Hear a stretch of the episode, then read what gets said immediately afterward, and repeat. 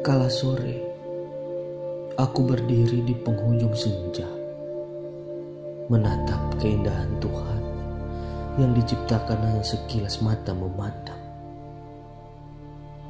Detik-detik itu, aku tidak merasakan suatu kebahagiaan. Karena dalam otakku, hanya keindahan yang pergi meninggalkanku.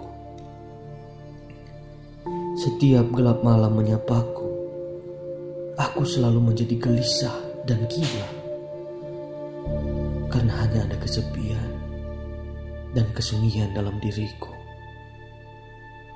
Sampai sekarang, aku tidak pernah memahami kenapa dan ada apa pada diriku. Aku seperti dibutakan dengan harapan-harapan yang sebenarnya aku tahu. Itu hanyalah imaji semata.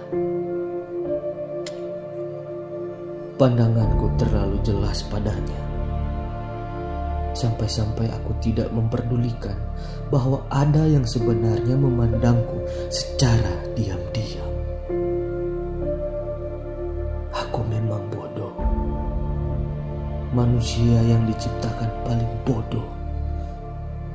Karena rela untuk mencintai seseorang mencintai orang lain. Sekarang suratan takdir telah tertulis bahwa aku dengan dia hanya sebatas imaji semata.